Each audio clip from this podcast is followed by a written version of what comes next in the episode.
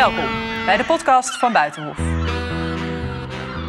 Ik ween om kleinheid van de grote mannen, waarvoor de macht steeds voor de inhoud gaat. Ik ween om coalities in de knop gebroken, nog voor de bloei van hun regeerakkoord vergaan. Ik ween om kabinetten die nooit zijn ontlopen en om politiek die nimmer werd verstaan. Els Borst was als minister van Volksgezondheid de huisarts van Nederland. De vrouw die de euthanasiewet door beide kamers heen kreeg. Maar ook een pragmaticus. Iemand met humor, een buitenstaander en ook een geslepen politica. Dat blijkt allemaal uit het met vaart geschreven boek Elsborst, medicus in de politiek van Nele Bijens, dat deze week verscheen. Hier aan tafel Nele Bijens, schrijver van het boek. Welkom, mevrouw Bijens. Um, ja, we gaan het natuurlijk, natuurlijk over Elsborst hebben, maar ik wilde ook het even over uzelf hebben. Want u bent Vlaams. En wat wist u van Elsborst voordat u aan dit project begon? Um, niet zo heel erg veel. In die zin dat um, ik ben in Nederland komen wonen helemaal aan het einde van de kabinet Paars. Dus de naam Els Borst had ik wel meegekregen. Ik wist wel wie dat was. Um, ik wist ook wel hoe de euthanasiewetgeving in elkaar zat. Maar heel erg veel wist ik daar niet zo van. En, maar ik denk dat het ook mede daarom is dat ik ja, in, de, in de nasleep van het overlijden... Um, eigenlijk best behoorlijk getroffen was door de reacties rondom mij. En dan doe ik niet op alle afschuw over de manier waarop ze is overleden. Dat spreekt nogal voor zich.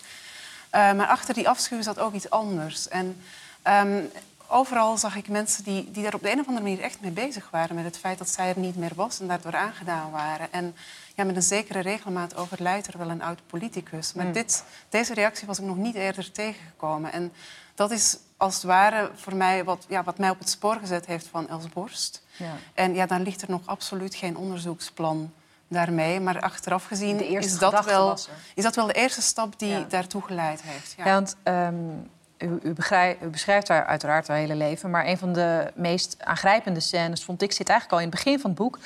als ze op haar stepje in 1944 naar school gaat. En dan gebeurt er iets vreselijks. Wat gebeurt er dan? Ja, dus dat is um, ehm, 12 maart 1944. Uh, 12 maart 1945. Ze is dan uh, nog net geen 13 jaar, dus 12 jaar. Ze zit eerste klas van de middelbare school. En Els Borst, Els Eilers op dat moment, uh, woonde in de rivierenbuurt en ging naar school naar Berleus, hier in Amsterdam, op Leidseplein. Fietsen waren al lang in beslag genomen, dus um, zij ging met stepje naar school. En um, ja, op een gegeven moment, op, na een ochtend, uh, zoals ze eigenlijk gewoon elke dag naar school stepte, uh, wordt ze tegengehouden door een Duitse soldaat. En moet ze samen met allerlei andere mensen die er toevallig voorbij gingen, uh, wordt ze eigenlijk gedwongen om toe te kijken bij een executie waar um, 30 Nederlandse verzetstrijders um, werden doodgeschoten. En dat was een vergeldingsactie voor een, een, een verzetsactie twee dagen daarvoor. En zij wordt gedwongen als twaalfjarige om ja, dat toe te zien? Ja, dus als klein meisje staat ze daar um, ja, volkomen onverwachts uh, naar zoiets gruwelijks te kijken. En wat heeft, dat, heeft die gebeurtenis haar beïnvloed? Ja, ongetwijfeld. Ik denk eigenlijk niet dat iemand zich kan nee. voorstellen wat dat met je doet. Ze heeft nee. daar blijkbaar ook dagenlang niet over gesproken. Is lijkbleek de klas ingekomen. Um, maar sowieso was ze eigenlijk het, het, aan het einde van haar leven, na dat ministerschap, um, zie je dat ze best veel met de Tweede Wereldoorlog nog bezig geweest is. En er ook ja. echt heel veel getuigenissen over afgelegd heeft. Maar over deze gebeurtenis is ze eigenlijk altijd heel sumier geweest. Ja.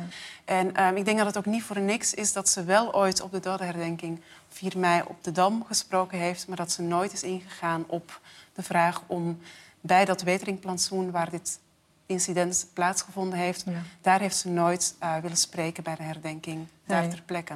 U heeft vijf jaar, als ik het goed heb, van uw leven aan mevrouw Borst besteed. Welke eigenschap kenmerkt haar het meest, denkt u?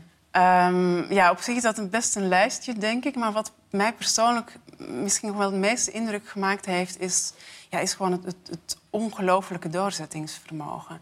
Ze ging eigenlijk altijd maar door. En dat vermogen steunt, denk ik, dan weer op een, een eigenlijk een, een, hele consequente samengaan van um, ja, best een optimistische levenshouding gecombineerd met een heel pragmatische instelling. Ja, dat, die, die, die pragmatische instelling, dat vond ik ja. grappig. Want uh, u schrijft hoe zij zichzelf, maar ook de partij waar ze later toe gaat horen, dus D66, echt typeert als pragmatisch. Maar ja, in haar opvattingen over uh, patiëntenzorg, nou ja, euthanasie, dat is toch best wel heel ideologisch. Ja, ik heb ooit wel eens ook een lezing gegeven de afgelopen jaren onder de titel um, De idealen van een pragmaticus. Ja. Um, want ze was buitengewoon pragmatisch ingesteld, maar dat betekent inderdaad niet dat ze geen idealen had. Die had hmm. ze absoluut wel. Maar ik denk dat ze ook heel erg goed begreep waarom idealen idealen genoemd worden.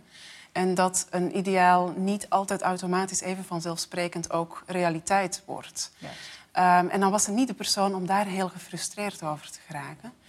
Um, dus dat, en als je kijkt naar die medisch-ethische wetgeving, dan heeft ze inderdaad um, absoluut uh, idealen voor ogen en principes waar ze eigenlijk echt voor staat. En, en zelfbeschikkingsrecht is er daar bijvoorbeeld één van. Maar als je dan kijkt naar de manier waarop ze die idealen in wetgeving probeerde um, om te zetten, uh, ja, dan ging ze buitengewoon pragmatisch te werk. En zeker die medisch-ethische wetgeving heeft er echt voor gezorgd dat die juist zo breed mogelijk gedragen werd.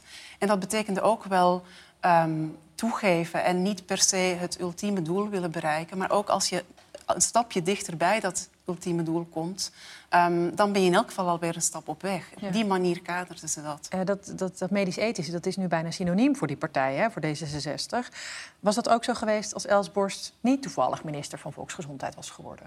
Um, ja, maar waarschijnlijk net iets minder expliciet. Hmm. Dus Els Borst is absoluut niet de eerste die binnen D66 met medisch-ethische onderwerpen aan de slag ging. Um, maar ja, het is wel duidelijk de persoon geweest die. Uh, ja, ze heeft echt een, een enorm pakket aan medisch-ethische wetgeving tot stand gebracht. Dus het, het, het is vooral, denk ik, voor D66 vooral sinds Els Borst ook veel makkelijker om die thema's te claimen. dus heel... het, is, het, is, eigenlijk gewoon vanzelfsprekend geworden. Ja, dus toch heel invloedrijk op de ideologie, al met al, voor een pragmaticus. Ja, wat dat betreft wel, ja. ja. het was nog een, eh, een, een ideologische discussie, waar zij niet, maar daar had ze dan weer niet zoveel mee op. Uh, het feminisme. Um, ik las het boek en het viel me op. Zij stond niet per se aan de kant van de Dolomina's. Waar nee, het is niet, nee, het is niet iemand die op de barricade gestaan heeft. En um, op zich is dat misschien wel een van de onderwerpen in het boek waar ik zelf ook het meest mee geworsteld heb. Omdat je, je, je komt ook gewoon met. Ja, je maakt aannames. Mm. En um, als je kijkt, ja, zij hoorden echt tot de generatie vrouwen die in Nederland de tweede feministische golf op gang gebracht heeft. Als je kijkt van wie van die generatie heeft de doelstellingen um, van die tweede feministische golf verwezenlijkt, ja, dan kom je gewoon onmiskenbaar uit bij Els Borst. Maar ze zetten wel kanttekeningen bij het baas en eigen buik. Ja, dus het, het, toen die strijd zich begon af te tekenen, ja, daar had ze eigenlijk niet zo heel veel mee. En um, zij, zij, stond er zelf gewoon eigenlijk heel anders in. Bij haar ging het veel meer om, je maakt keuzes in het leven. Aan elke keuze hangen nu eenmaal consequenties. En dat zijn dan de consequenties waar je... Ongewenst zwanger maken Waar je te leven hebt. Nou ja, dan... Ja, dat... Um, dat hoorde erbij. Dat hoorde erbij, ja. ja. Um, ze bleef niettemin uh, wel een uh, vrouw in de mannenwereld. En u vond ook een zelfgeschreven gedicht. Ja. Um, we hebben het hier, als het goed is, op de pagina. Zou u het even kunnen lezen? Ja. Nou, de woorden van Els Borst, um, vrij naar Willem Kloos. Ik ween om kleinheid van de grote mannen, waarvoor de macht steeds voor de inhoud gaat. Ik ween om coalities in de knop gebroken nog voor de bloei van hun regeerakkoord vergaan. Ik ween om kabinetten die nooit zijn ontloken en om politiek die nimmer werd verstaan. Ik ween om melkertbanen die de breuk forceerden, omdat doorstroming steeds maar achterbleef en dus de banen langzaam perverteerde, ging langzaam de beloning overschreef. Ik ween om burgemeesters nooit verkozen en om de zorg met 1% bedaan, omdat blauwe blazer verder ging met rode rozen en ware democraten aan de kant liet staan. Ja, wat bedoelde ze hiermee? Nou, ze schreef dit gedicht, of tenminste daar ben ik tegengekomen op um, de achterkant van een schrift waar ze aantekeningen in maakte um, tijdens de informatiegesprekken in 1998. Um, want ook toen waren ze bezig met het formeren van het hmm. kabinet. En ja, ik denk dat dit een zeldzaam moment van kwetsbaarheid en, en treurnis is. Wat je eigenlijk zelden ziet bij Els Borst. Mm, treurnis over? Nou, hier, het, het, het, het is toch best allemaal een beetje mee waren. Vrolijk mm. is het niet. Nee. En um, ik heb het niet... Het, het, exacte moment waarop ze dit heeft geschreven... heb ik dus niet kunnen achterhalen. Maar het is in elk geval ergens in de loop van die informatiegesprekken uh, gebeurd. En uh, ja, dit is toch een beste moment geweest waarop ze uh, ja, weinig hoopvol was en blijkbaar toch iets van zich af moest schrijven. Ja, ja. Ik zei ook al, hè, vrouw in de mannenwereld. Ze stond ook als enige vrouw altijd in een groep met mannen tijdens een debat. Daar hebben we een fragment van. Laten we daar heel even naar kijken.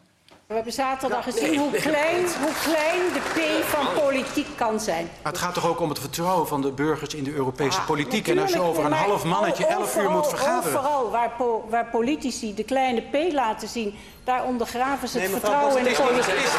Dit, dit klinkt heel aardig van de, de kleine P, maar wat, wat ooit... U gaat me toch niet vertellen, mevrouw Borst, dat u deze grap niet van tevoren bedacht had? Ja, ze schudt hier nee, lachend. Maar Paul Witman stelt natuurlijk wel terecht de vraag... had ze dit van tevoren bedacht, deze kleine P? Ja, ik kan het niet bewijzen, maar het lijkt me van wel, ja. Ja, waarom? Ja.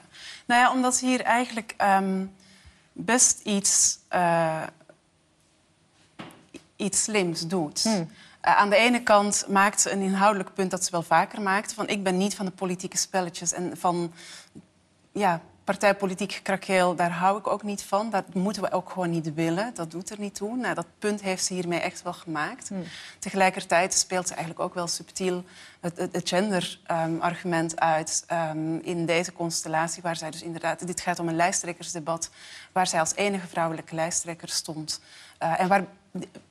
Ja, een positie die ze ook wel gebruikte om zich te distancieren van um, haantjes die onderling tegen elkaar aan het opbieden zijn. En van ja, daar sta ik als vrouw toch een beetje buiten. Die houding straalde ze wel uit. Ja, ze positioneerde zichzelf eh, steeds als de buitenstaander. Maar dit laat eigenlijk zien dat ze ook wel een geslepen politica was.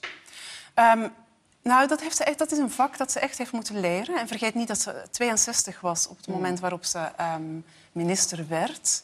Dat betekent ook dat ze al een enorme carrière achter de rug had. Maar dus ook dat ze eigenlijk pas laat echt in Den Haag uh, aankwam.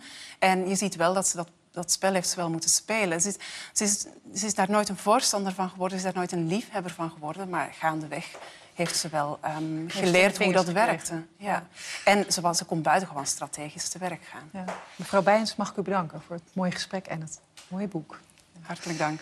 Dit was Buitenhof. Volgende week zit hier Pieter Jan Hagens. Ik wens u nog een hele mooie zondag.